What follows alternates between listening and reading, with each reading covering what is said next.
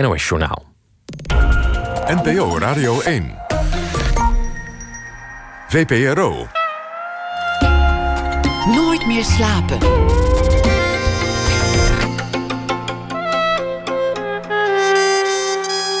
Met Lotje IJzermans.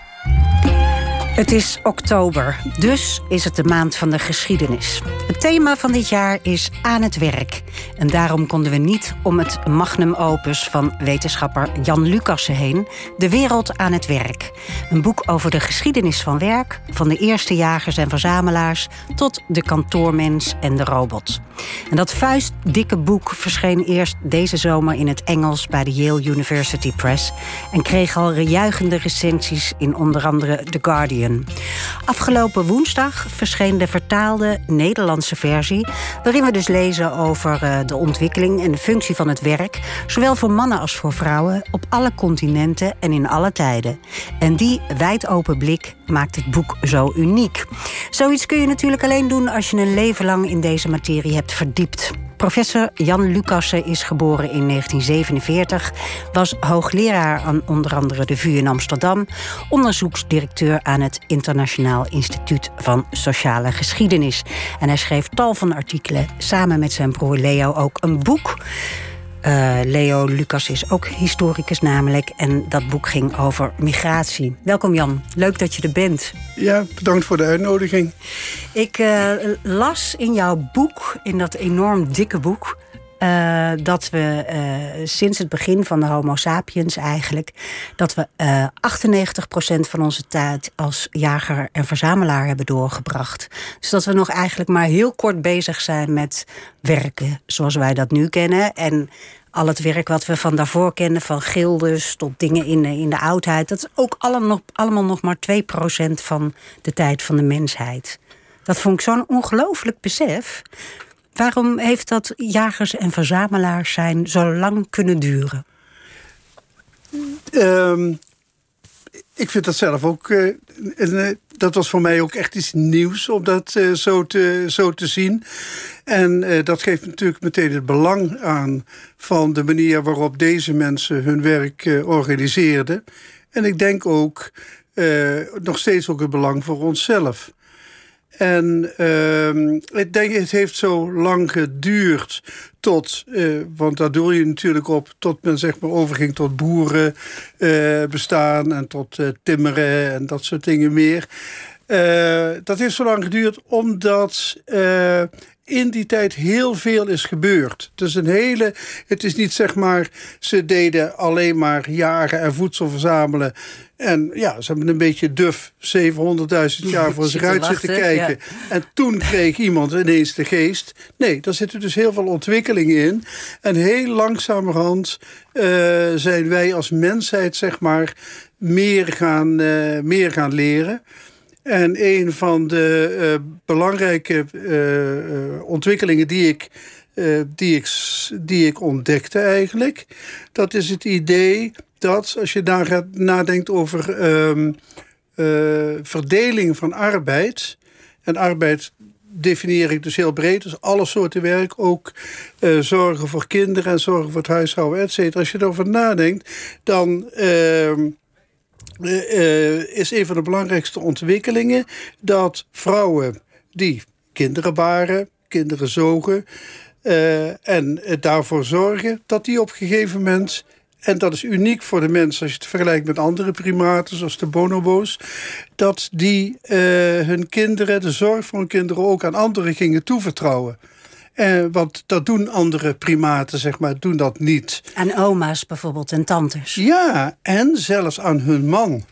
Ja, en uh, dat, heeft, dat betekent natuurlijk dat, je, uh, uh, dat voor die vrouwen ook meer ruimte bestaat weer om andere dingen te doen. He, dus dat, dat lijkt allemaal voor ons zo vanzelfsprekend. Dat als je een baby even aan iemand anders geeft, dat is het helemaal niet. Dus het is maar een klein voorbeeldje van al die ontwikkelingen die er zijn geweest. Van, uh, en dan krijg je ontwikkelingen in uh, jachtwerktuigen natuurlijk.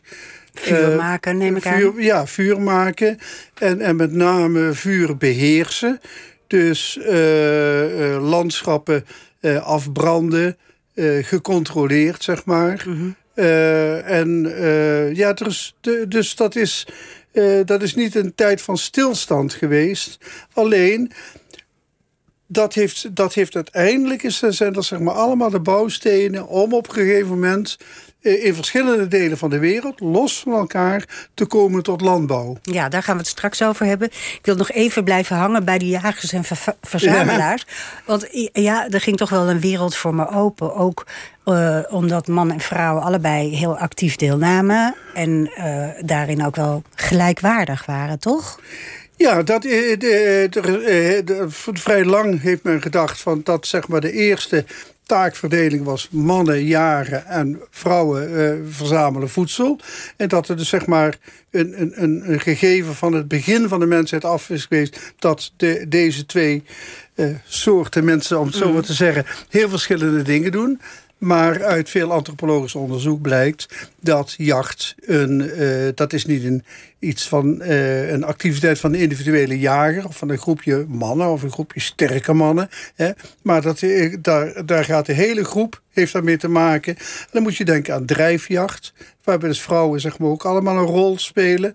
Kortom, dat is echt een, een, een coöperatieve aangelegenheid. Samenwerking. Ja, een samenwerking. En dat is nou ja, dat is ook een van de fundamenten van uh, hoe wij mensen werken en hoe wij mensen met succes werken. Het leuke in je boek vond ik dat, uh, dat je schreef van nou, die, die mensen renden dan gezamenlijk, probeerden ze zo'n dier op te jagen. En dan rennen ze ongeveer zes kilometer per oh, uur. Ja. En, um, en, en dan soms renden ze wel, wel 45, uh, eh, wat was het? Uur of kilometer? Wat kilometer, was het? Kilometer. Totdat de antilope moe was. Ja, ja, ja. ja, ja Niet totdat de man moe was, of de vrouw, maar de antilope. Ja, dat is die prachtige beschrijving uit Zuidelijk Afrika inderdaad. Ja, want dat is, eh, dat is het interessante aan die geschiedenis van werken. Ja, ik ben historicus. Dat betekent dat je, je bent getraind in het omgaan met schriftelijke bronnen. Mhm. Maar hier, hier zijn geen schriftelijke bronnen over natuurlijk. Dus je moet eigenlijk op heel veel andere manieren... moet je, eh, moet je proberen te beredeneren hoe eh, onze voorouders, jagers, voedselverzamelaars eh, hebben gewerkt. En een van de manieren is dan vergelijkingen die je kunt maken met de laatste van onze soort die dat nog doen of tot voor kort gedaan hebben. En daar heb je dus antropologische beschrijvingen. En sommige zijn inderdaad heel gedetailleerd, die precies hebben uitgerekend en hoe lang het duurde en hoeveel moeite het was en hoe je dat precies doet. En dan blijkt inderdaad samenwerking binnen de groep, maar ook samenwerken tussen mannen en vrouwen. Dat is de essentie. Anders konden deze mensen niet overleven. En um, uh, wat ook in je boek staat, is dat er op een gegeven moment echt dat je ervan uitgaat dat mensen toen iets van zes uur per dag werkten. Um, nou ja, daar, daar zijn uh, verschillende berekeningen over. In het algemeen. Ik vond dat wel een aantrekkelijke optie.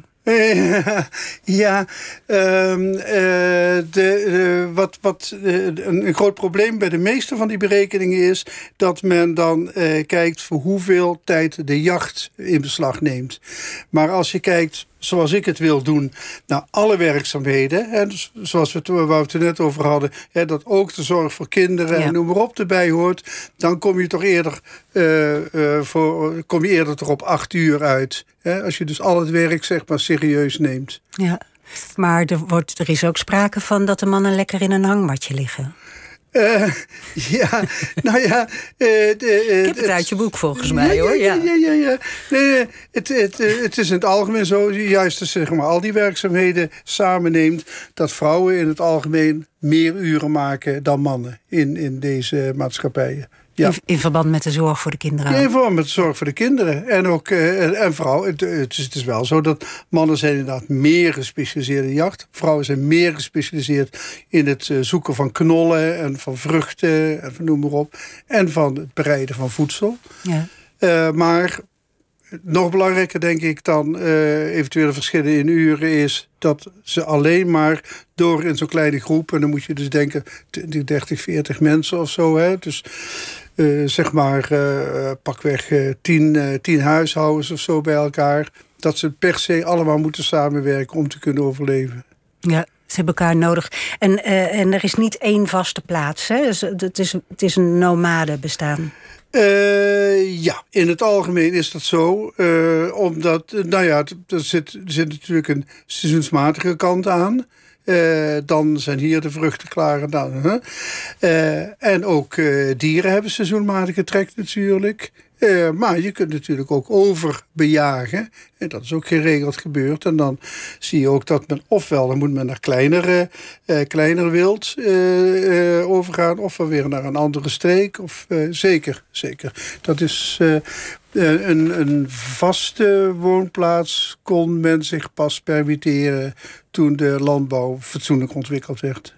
En waarom is op een gegeven moment die ja, de neolithische revolutie is het, hè? het begin van, ja, van, dat. Ja, van de landbouw. Uh, je, je, schetst van uh, in, in dat bestaan van die, van die nomadische uh, jagers en, en verzamelaars zaten natuurlijk heel veel kleine stappen waardoor hun leven beter werd. Waardoor is op een gegeven moment dan die, die landbouw kunnen ontstaan? Um, dat, ja, dat is een moeilijke vraag. Het is, een, het is een makkelijke vraag, maar moeilijk, moeilijk te beantwoorden. Vooral omdat zeg maar, dat op verschillende plaatsen in de wereld afzonderlijk is gebeurd. Dus je moet, uh, je moet veronderstellen dat uh, de mensheid zeg maar, zo ver ontwikkeld was uh, uh, op verschillende plaatsen. In Nieuw-Guinea, Zuid-Amerika, West-Afrika, in wat wij natuurlijk vooral weten, uh, in de Levant, zeg maar, in wat nu Israël, Libanon, Syrië is, ja. Midden-Oosten is, dat men eraan toe was om um,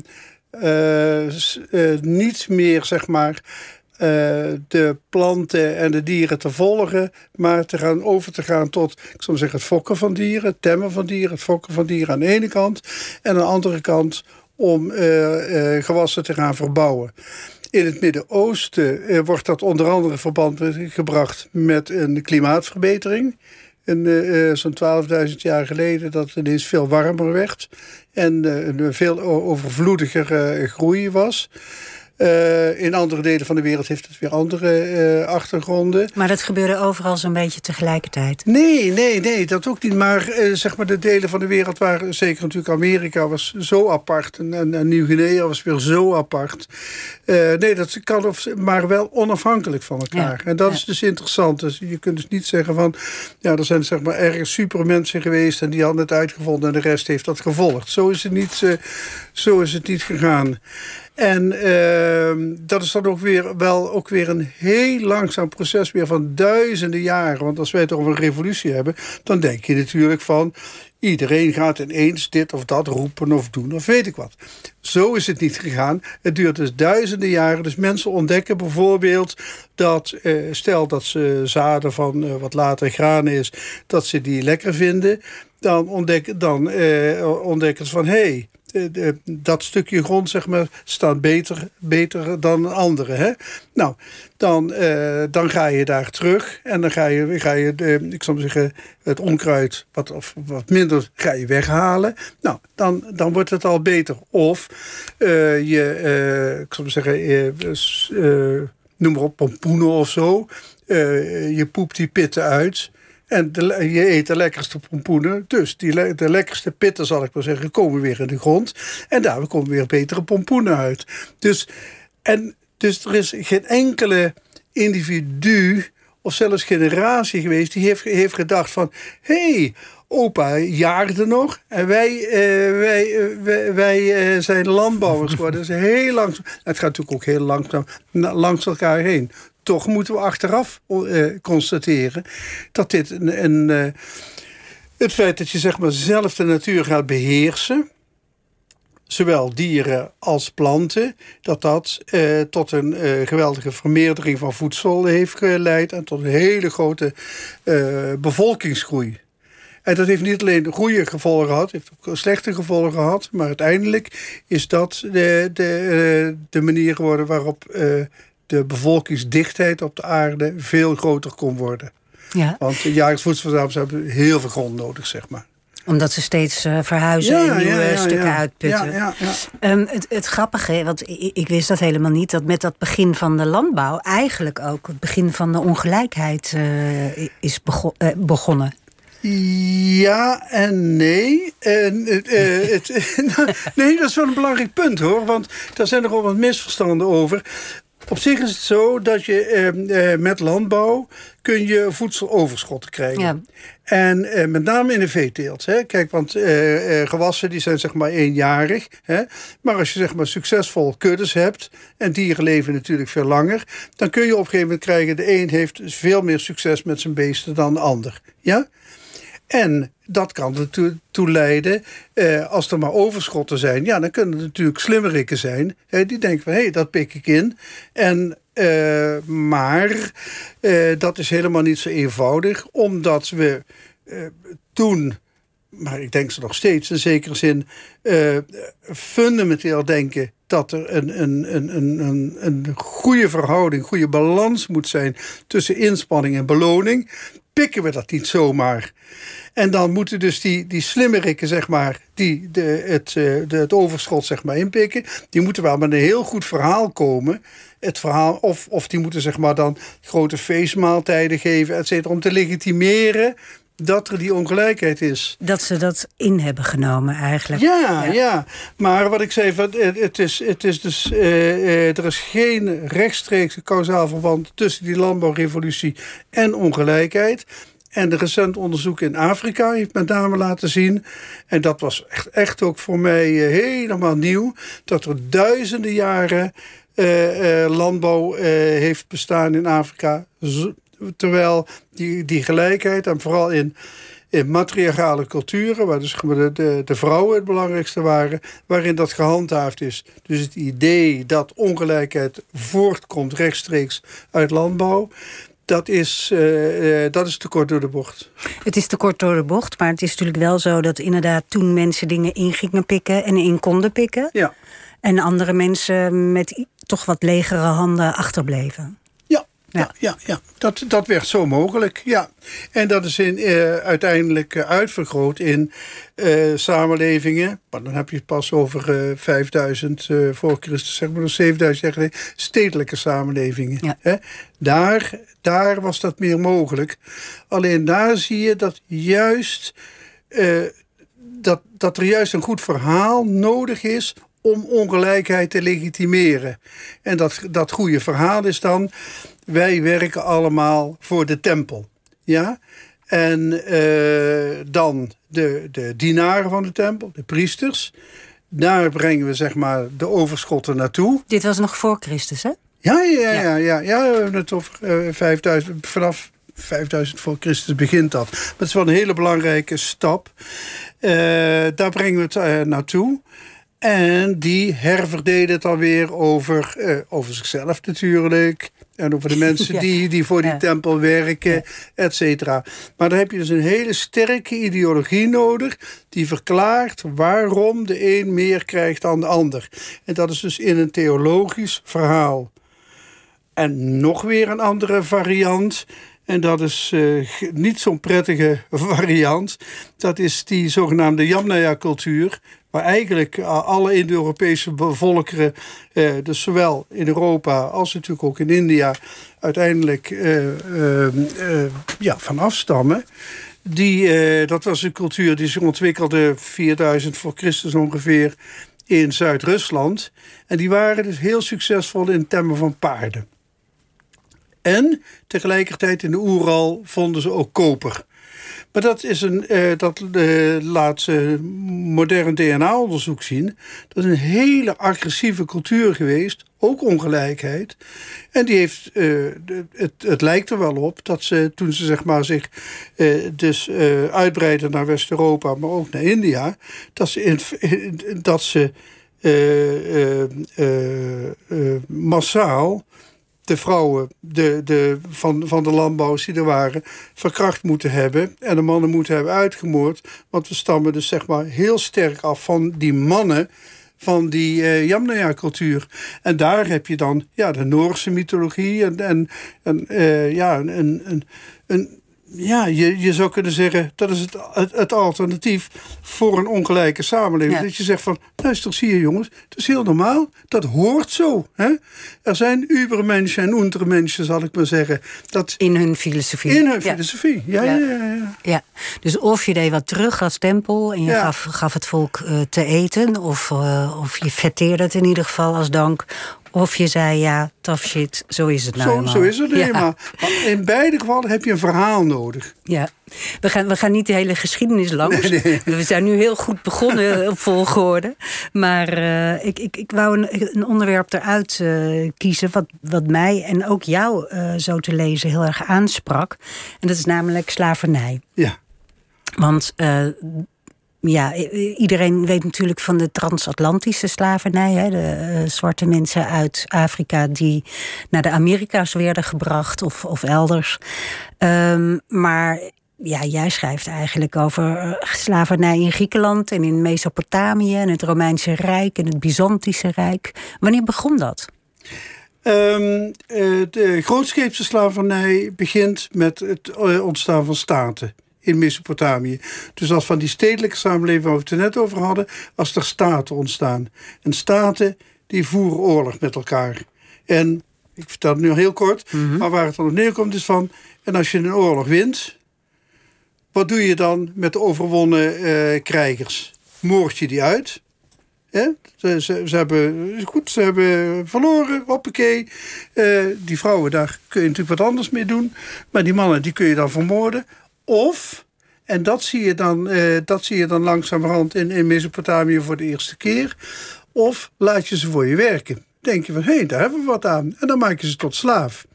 En dat is dus het, het, eh, dat vond ik voor mezelf een belangrijke constatering. Dat is dus lang voordat er markten bestaan. Hè? Dus laat staan, eh, lang voor kapitalisme heb je dus slavernij. En wat je zelf er net aangaf, in heel veel maatschappijen komt dat dus voor, voort. Eh, maar eh, ik verbind het in ieder geval, als ik de, de literatuur goed gelezen en goed geïnterpreteerd heb, verbind ik het aan staatsvorming. Ja, Ja. omdat er toen eh, Ja, dan- oorlogen werden en dan, gevoerd. En wat je Ja. zegt, dat zie je dus over de hele wereld. Ja, De- dus die schaal was ook veel groter dan, dan we aanvankelijk wisten. Ja zeker. Want eh, er is heel veel discussie, ook in de antropologische literatuur... of er nou agressie was, zeg maar, onder jagers, voedselverzamelaars. Ja, dat zit in ons beestjes. We, kunnen agressief zijn. We kunnen elkaar, elkaar doden, et cetera. Maar echt op grote schaal, oorlog... daar heb je, heb je staten voor nodig. Want een oorlog, dat vergt natuurlijk heel veel organisatie. Hè? Je moet heel veel mensen...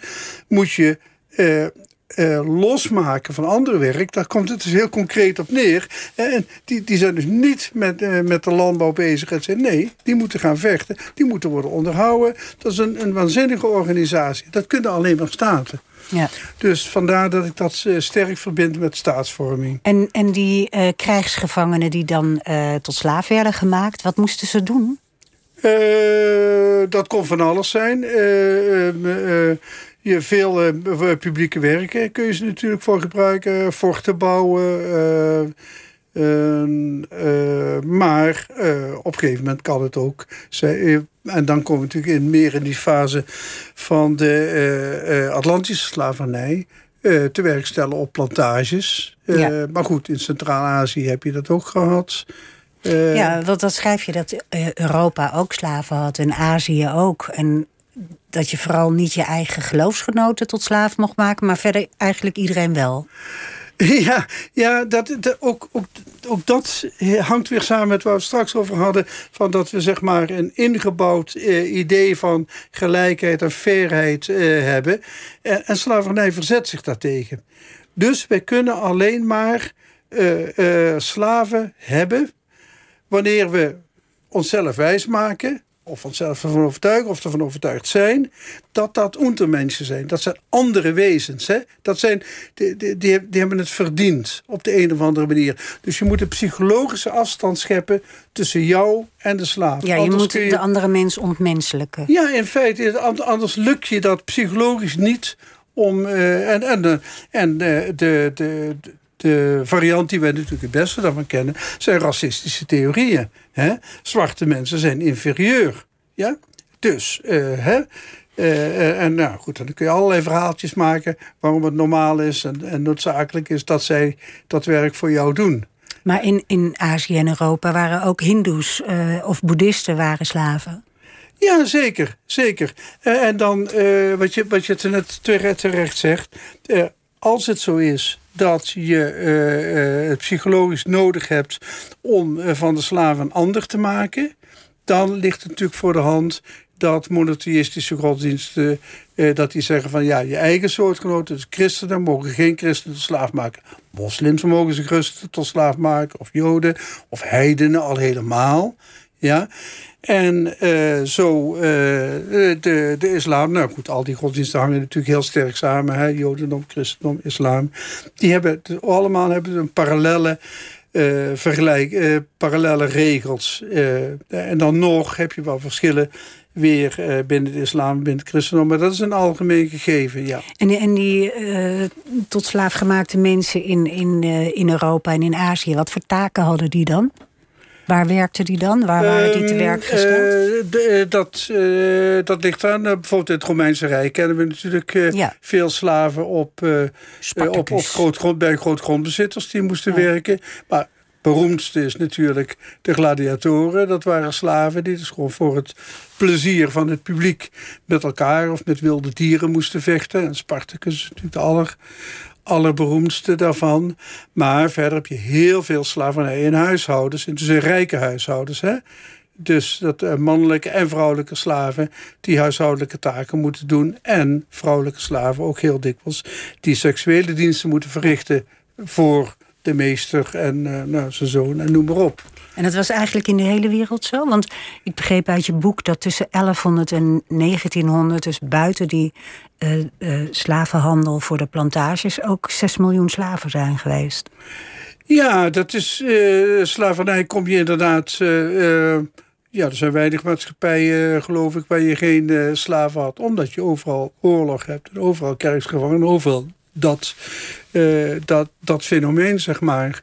Ja, nou waren die transatlantische tot slaaf, gemaakte waren natuurlijk uh, geen slachtoffers van een oorlog. Die werden gewoon Jawel. uit hun leven gerukt. Ja, maar uh, de Europeanen kochten uh, die uh, slaven op de kust van West-Afrika. Maar ze kochten ze van Afrikaanse kooplui. En die kochten ze weer van een, legers die ze hadden buitgemaakt op anderen. En dat werd natuurlijk een, een, soort, een soort industrie. Er, was zeg maar veel vraag naar. De Europeanen hadden, hadden veel vraag. En dat zette weer Afrikaanse eh, koninkrijken aan om weer meer slaven te maken, et cetera. En dat wordt natuurlijk een hele perverse, uh, een pervers systeem waarbij je de, de slavenhalers eh, de Europeanen die die slaven naar eh, eh, Amerika brengen. Maar in, in Azië is dat ook gebeurd. die kun je natuurlijk aan het begin zetten. Maar die kunnen, die kunnen niks zonder dat Afrikaanse koninkrijken met elkaar vechten. En krijgsgevangenen maken en die weer verkopen. Daar begon het allemaal mee. Het proces van de slavenhandel. Ja, het, het, het, het, werkt elkaar zo in de hand. Hè, want eh, op zich is de slavernij in, in, eh, in Afrika eh, is, is ouder. En eh, gedeeltelijk heb je die al in de oudheid. Maar vooral vanaf, vanaf 800 ongeveer. Maar dan gaan worden de slaven geëxporteerd naar het Arabisch gebied eerst. En vervolgens uh, veel meer naar het, naar, het westen. En als het zeg maar, de slavernij in de 19e eeuw af wordt geschaft, dan krijg je weer grotere stromen naar het oosten.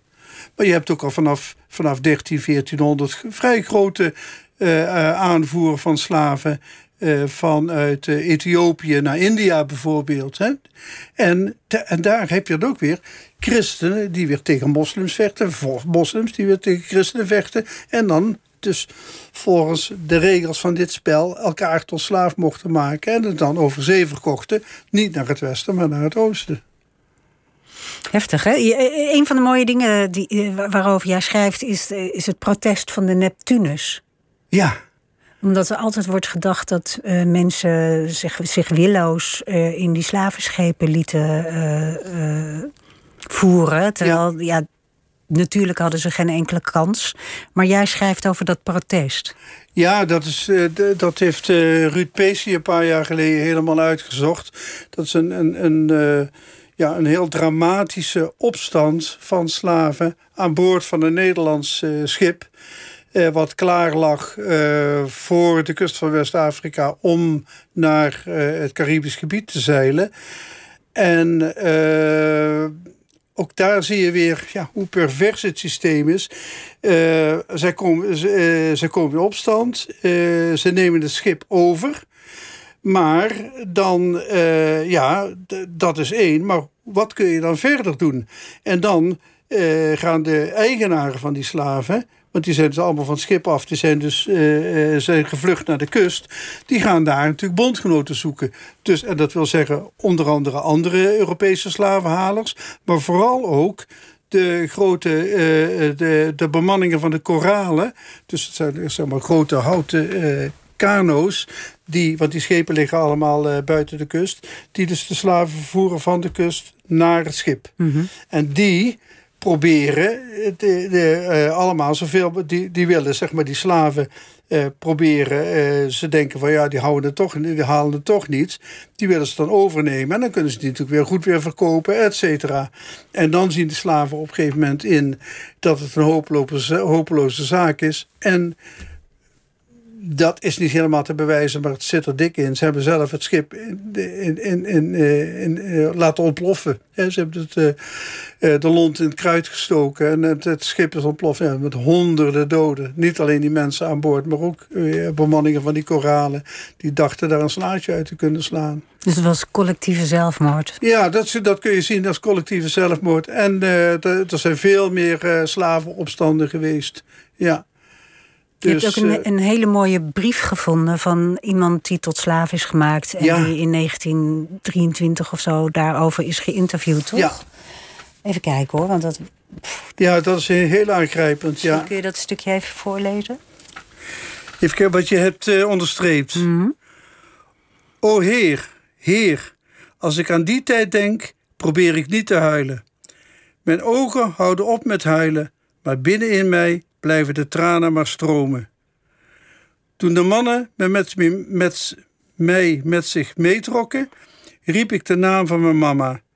Ik wist niet waar ze was. Ik zag niemand meer van mijn familie.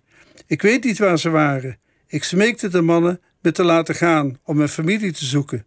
De soldaten zeiden dat ze geen oren hadden om gehuil te horen.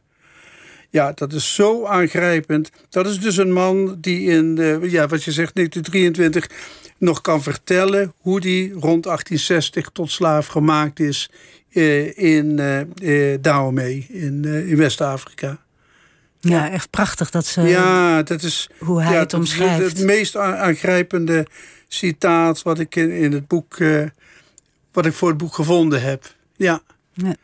Ja, en dat vooral, hè, mijn ogen houden op met huilen, maar binnen in mij blijven de tranen maar stromen. Ja, en ze hadden geen oren om huilen te horen. Ja, dat vond ik ook erg mooi. Ja, ja. Het is uh, ja. pure poëzie. Ja. Um, ja, ja, nog even dat slavernij afmaken. Um, is het nu helemaal weg? Want na de afschaffing uh, van de slavernij heeft het natuurlijk nog heel lang geduurd uh, dat zwarte mensen toch nog uh, uitgebuit werden en niks kregen.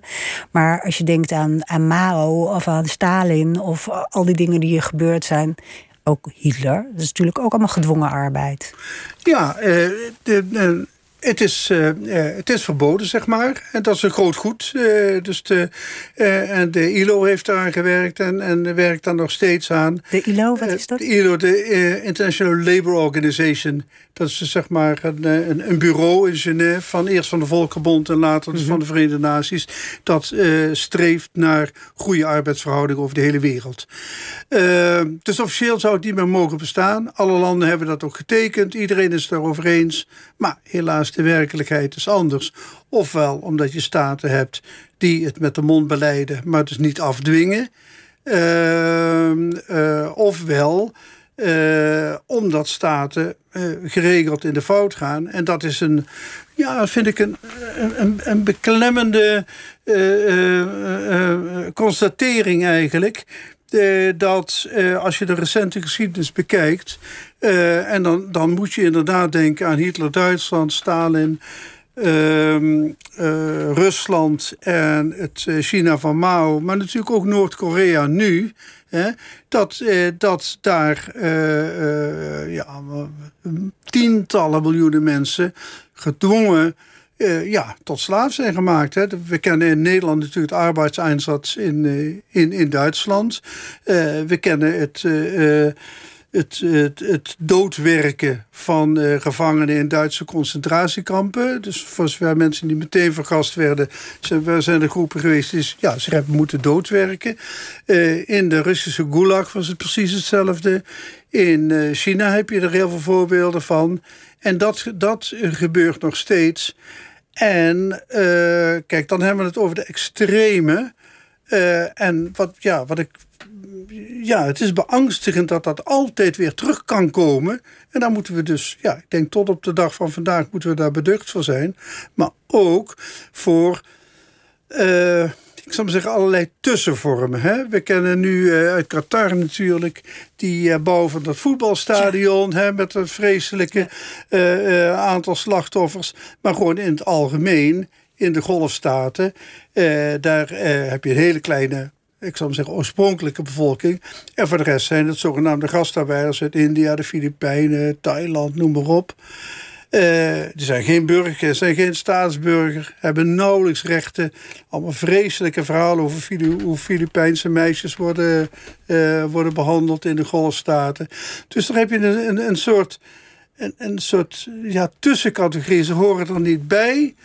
En, en het zijn ook niet echte slaven, maar daartussenin. En dat, ja, dat heb je met eh, eh, illegale arbeiders, eh, heb je dat in Amerika, hier in Europa. Dus er zijn nog heel veel. En ja, dat, dan wordt het op een gegeven moment een semantische kwestie van... zijn dat nou slaven, zijn dat nou niet slaven? Nou, laten we het in ieder geval over gedwongen arbeid hebben. Ja, of, of in ieder geval arbeiders die, want kijk, als we het over vrije arbeid hebben, dan, dan eh, is een van de ideeën van eh, eh, jij en ik hebben vrije arbeid. Wat betekent dat? Als ons niet bevalt, gaan we naar een andere baas. Hè? Ja. En als ons hier niet bevalt, dan gaan we naar een andere stad of naar een ander land. Dat is vrije arbeid. Dat is van alles op af te dingen, maar dat is de definitie. Maar deze mensen hebben die vrijheid helemaal niet. Kijk, als ik zal maar zeggen, als je als arbeider bent geworven vanuit eh, eh, Kerala of zo in Qatar. En, en, en, en eh, het zendt je niet. Dan is er geen andere werkgever waar je naartoe kunt gaan. Nee, daar is de deur. Je kunt teruggaan. Nou, niet eens, want ze nemen je paspoort in als, je, als je daar gaat werken. Zeker. Ja. Dus, dus moet je erbij blijven. Maar als je weg wilt, ja, dan kun je terug. Maar dat, dat, is, geen, dat is niet dit type vrijheid. En dat heb je natuurlijk voor alle ongedocumenteerde eh, arbeiders. eh, hè, die, die- nou, precies wat je zegt. Je, je hebt de papieren niet. En in een moderne staat, ja, dan ben je, dan, ja, dan ben je aan, aan de wilde overgeleverd. Ja, het is geen, is geen slavernij, maar het is zeker geen vrijheid. Nee, dus, eh, dus, die, die, dus die tussenvormen, ja, daar moeten we ons ook echt, echt heel veel zorgen over maken. Afgezien van dat het valse concurrentie is en noem maar op. Ja, Ja. ja. Als je nou zo die, die hele geschiedenis doorgaat, wat jij hebt gedaan, al die duizenden eh, jaren, is er een, een, een deel van de geschiedenis wat jou, waar jouw hart echt naar uitgaat? Eh, Ik vond vroeger bijvoorbeeld, ik heb ooit een blauwe maandag heel eventjes geschiedenis gestudeerd. En ik vond de oudheid en de middeleeuwen vond ik helemaal niks. Dus, de, dus mijn geschiedeniscarrière was geen lang leven be- beschoren. Want ik vond alleen nieuw en nieuwste leuk. ja. Maar zo kan ik me voorstellen dat jij ook periodes hebt die je extra leuk vindt. Of, of, of landen die je extra leuk vindt. Of volkeren die je extra leuk vindt. Mm, Nee, dat heb ik niet. Het is wel zo dat ik, eh, eh, om zo'n boek te schrijven, eh, moet je, ben je natuurlijk eh, sterk aangewezen op wat heet secundaire literatuur. Je kunt niet zelf naar alle archieven in alle landen gaan, alle opgravingen doen, et cetera. Van de andere kant, om die zogenaamde secundaire literatuur, dat wil dus zeggen dat je boeken leest van collega's die veel weten over China in de 10e eeuw, of over de Papua's in de 18e eeuw, of noem maar op. Hè. Eh, maar om dat goed te kunnen beoordelen, moet je wel ook eh, eh, weten hoe de stapjes zijn van de primaire bronnen, dus de archiefstukken, naar boeken, et cetera. Nou, daar, ik, ik heb het geluk gehad in mijn leven om veel archieven in Europa te zijn geweest. Dus, dus daar ken ik die stapjes van het originele document tot de conclusie. En de laatste 25 jaar heb ik heel veel van dat soort onderzoek in India kunnen doen. Nou, dat zijn in ieder geval. Het is behelpen, maar in ieder geval in twee heel verschillende type maatschappijen weet ik wel hoe die stapjes gaan van het individuele geval naar de grotere theorie. En eh, nou ja, de tijd zal leren of eh, hoe onbezonnen ik ben, maar eh, op basis daarvan, daarvan denk ik van. ja, dat ik ook zeg maar boeken over China of over Zuid-Amerika of zo iets beter in kan schatten. Waarom zeg je dat van dat onbezonnen? Wat bedoel je daarmee? Nou, je zou natuurlijk ook kunnen zeggen... ja, eh, Jantje Lucas, het is wel mooi... maar eh, ga je eerst maar fatsoenlijk Chinees leren... voordat je... Voordat, uh, dan praten we verder. Op die manier. Maar goed, er zit natuurlijk een, een, een, een grens aan wat een mens kan doen.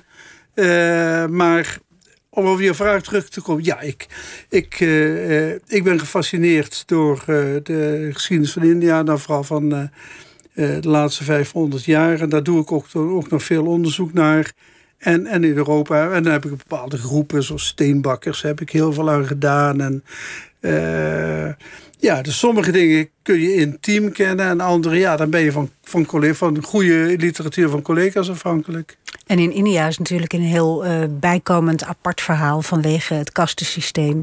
Dat de arbeid daar ook weer heel anders geregeld Zeker. is. Ja. En dat is natuurlijk ook weer een voorbeeld van waar we het straks over hadden. Van ja, dat je ongelijkheid hebt in de maatschappij met een verhaal erbij. Ja. Het is logisch uh, met, uh, in, in dat systeem dat je hogere en lagere kasten hebt. Ja, voor de Indiase ja, grondwet bestaan die niet meer. knellend systeem. Ja, maar toch? voor de grondwet bestaan die niet meer. Maar de facto bestaan ze nog wel. Ja. En dat is dus ook weer zo'n een, een, een, een, een systeem van ongelijkheid. Met, met een, een, een bijpassend verhaal waarom dat doodnormaal zou moeten zijn. Ja, en een geweldige beloning in het vooruitzicht gesteld. Uh, waarvan, hè, waarvan je denkt ja, van... Uh, ja, ja, ja, ja, ja, dat is ook maar... Eerst zien dan geloven. Ja, ja.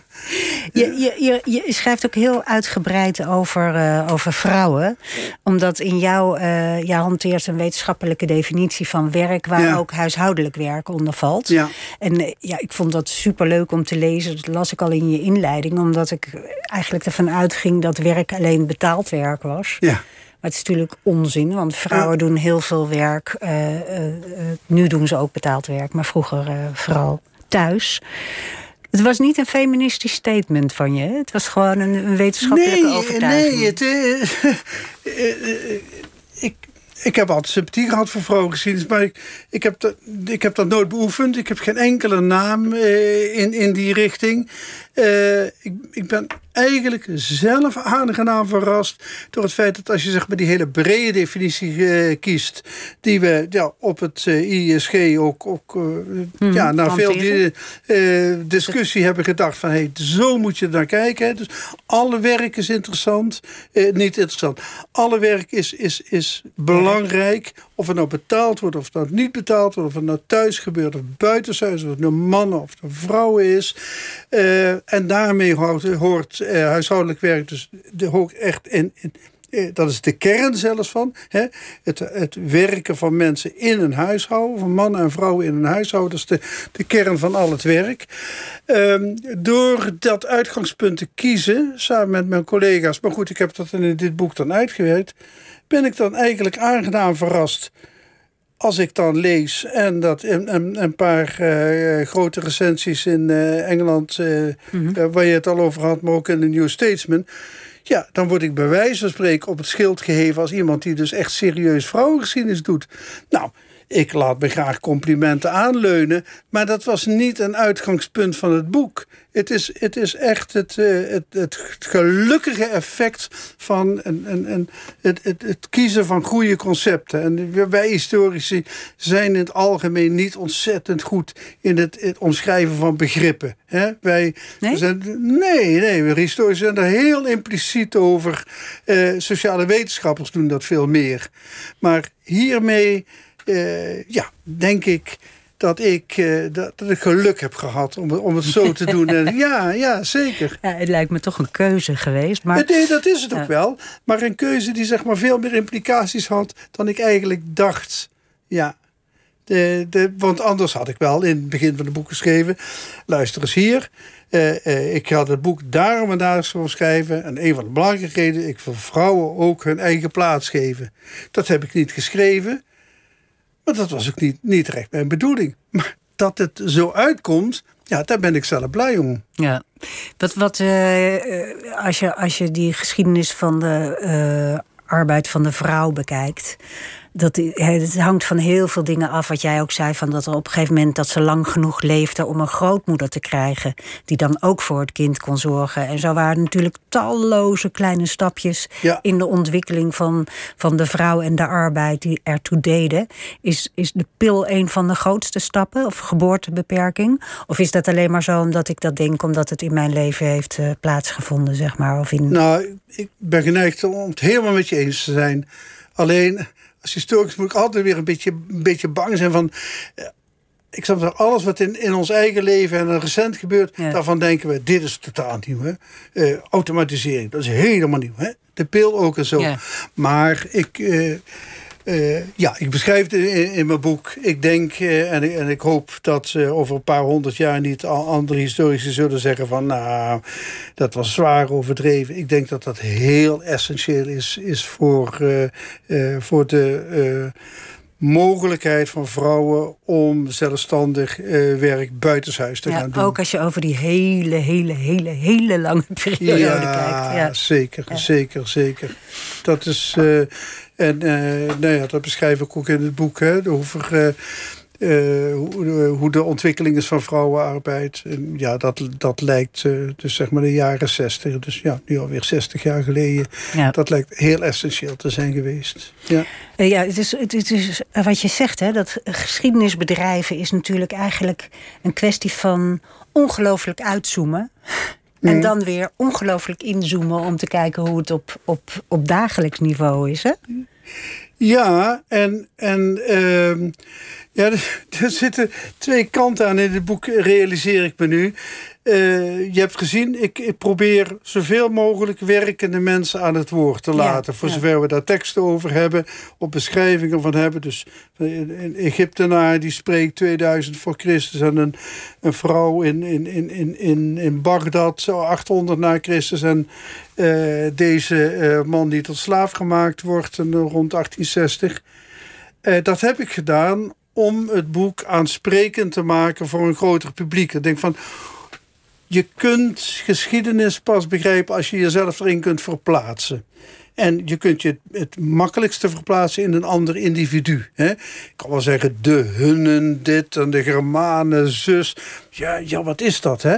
Maar als ik dan één hun of één Germaan heb met, met een tekst, hè, dan.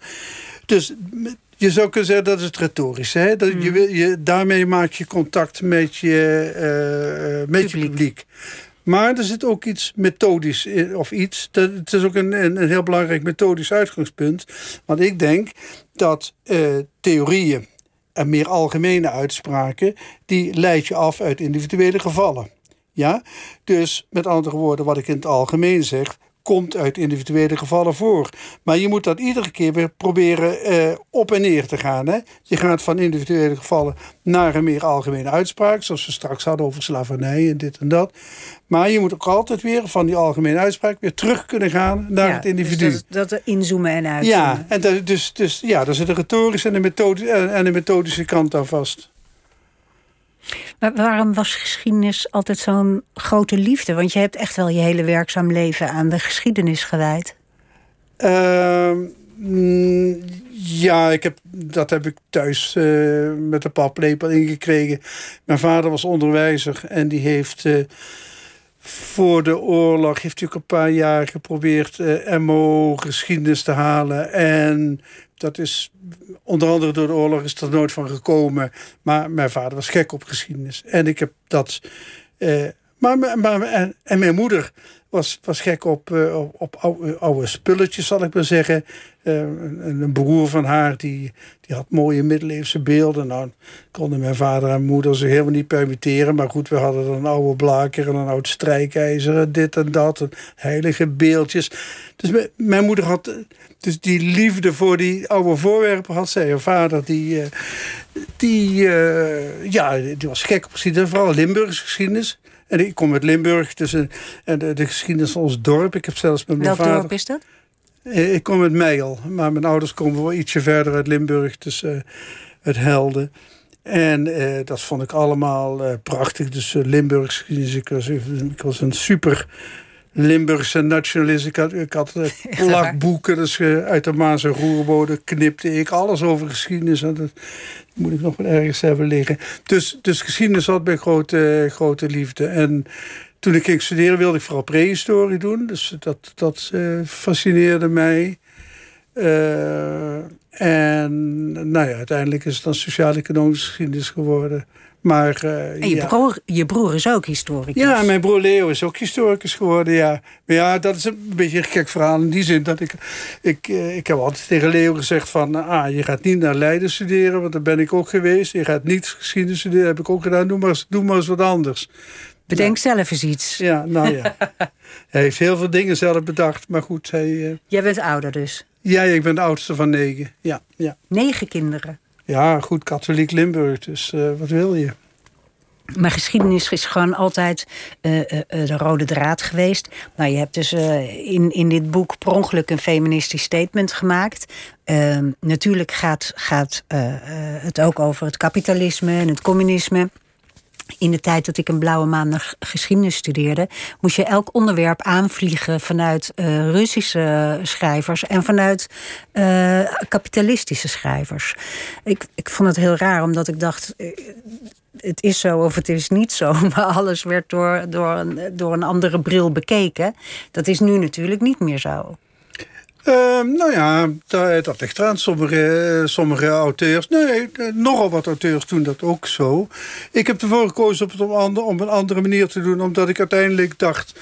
Uh, uh, dat als je een echte wereldgeschiedenis wilt schrijven, dan moet je proberen uh, je op een, uh, uh, nou ja, wat, wat, ze noemen, zo min mogelijk eurocentrisch te doen. Hè? Ja. Ik zal maar zeggen, wij hebben het allemaal uitgevonden in de klassieke oudheid, dan hadden we het christendom en, en de rest van de wereld loopt erachteraan. Ja. Om het heel simpel te zeggen, dat is, dat is het eurocentrisch denken, maar ook in de geschiedenis. Wat wel echt achterhaald is.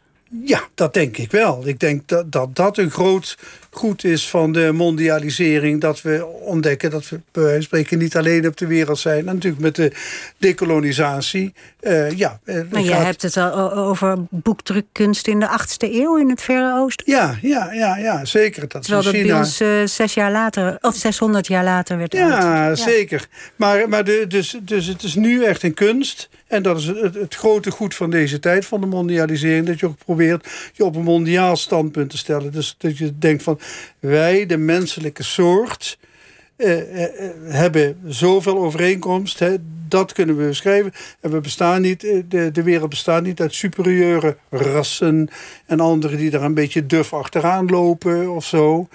En, uh, en, en dus ook de tegenstelling waar jij het er net over had. Ik zal maar zeggen tussen kapitalistisch en communistisch. Dat is een reële tegenstelling. Dat is ook een heel interessant onderwerp. Daar ga ik ook diep op in. Maar dat is niet de, de, de, de belangrijkste manier waarop je, denk ik... en dat heb ik ook uitgelegd in het boek denk ik, waarop je zo'n wereldgeschiedenis moet schrijven. Ik denk dus veel eerder dat je op een gegeven moment heb je marktsamenlevingen gekregen. En die ontstaan in verschillende delen van de wereld tegelijkertijd. En binnen die marktsamenlevingen kun je uiteindelijk tot samenlevingen komen, zoals wij die nu kennen, waarin bezitters van kapitaal een uh, onevenredig grote stem hebben. Maar dat is weer wat anders, zeg maar, snap je? Mm -hmm. Dus ik heb, ik heb geprobeerd uh, uh, zo diep mogelijk terug te gaan in de tijd. De hele ruimte, dus de hele wereld te nemen. En daarmee ook te ontsnappen aan ja, wat vooral toch 19e eeuwse ideeën zijn over hoe de, wereld, hoe de wereld en de maatschappij en zo in elkaar zou zitten. Niet dat dat zo slechte ideeën zijn, maar ik denk dat we nu verder moeten. Ja. Eh, ja, want dat is leuk dat je dat zegt. Ik denk dat we verder moeten. Want jij zegt aan het eind van je boek van... Uh, je kan niet uit, uh, door de geschiedenis te leren kennen... kun je niet de toekomst gaan voorspellen. Maar er zijn natuurlijk wel patronen uh, die, die, die zich voordoen. Want hoe, kijk, als je er nou ontzettend zou uitzoomen naar het nu... Hè, met de groeiende kloof tussen arm en rijk... hoe zou jij daar nu als toekomstig historie... Ja, dus stel dat je over 100 jaar hier naar kijkt, wat denk jij? Ja, um, het nut van de geschiedenis is dat we kijken van hoe we hebben het tot nog toe gedaan en uh, uh, waar zijn we, wij, hè? dan heb ik het echt over wij mensen, mm -hmm. uh, succesvol in geweest en wat niet. En wat heeft gewerkt en wat heeft niet gewerkt. Dat is één van de manieren waarop we naar de toekomst proberen te kijken. Uh, en, en, dat is een belangrijke functie van de historici. Maar dat is maar één van de manieren. We hebben ook, uh, we hebben ook andere kennis, sociologen, economisch, en, uh, noem maar op. Ja. En, dat, en, en samen, als, als een soort blinde molle, proberen we natuurlijk iedere keer weer een beetje naar die toekomst te gaan. wat ik op het einde van het boek doe, is uh, dat ik een aantal uh, scenario's die anderen hebben geschetst, hè, uh, de, die ja, meer lef hebben dan ik, om die te zeggen van die kant gaat het op, dat, dat durf ik niet. Maar wat ik wel durf is in het, in het kader van mijn boek om te zeggen van ja, dat vind ik een meer, dat vind ik een, een waarschijnlijker scenario, dat vind ik een onwaarschijnlijker scenario. Dat zijn volgens mij vrij grote constanten in, in, in, in, ons, in het menselijk werk, waar we het straks over hadden gehad, samenwerking.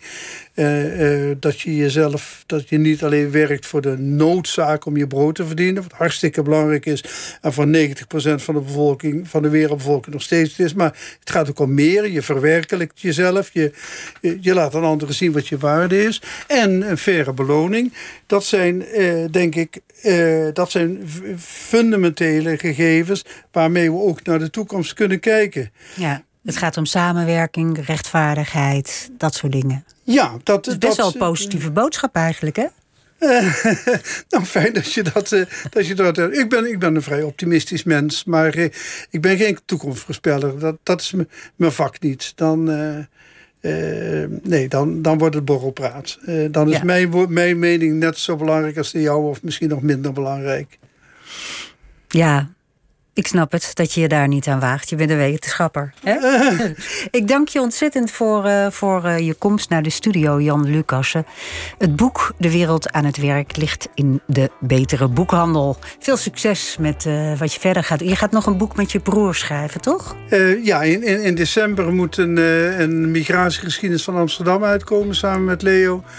En ik ben nog, een, nog, nog met veel studies over India bezig. Veel succes daarmee. Dit was Nooit meer slapen. We zijn uh, terug te luisteren als podcast. Geef ons ook eens wat sterren of een duimpje op je favoriete podcastplatform. Dan zijn we makkelijker te vinden. Maandag is Pieter weer samen met Neske Beks. Straks op deze zender Vink.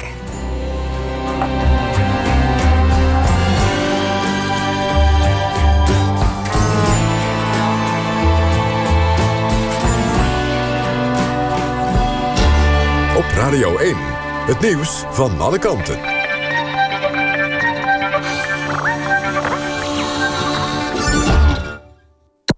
NPO Radio 1.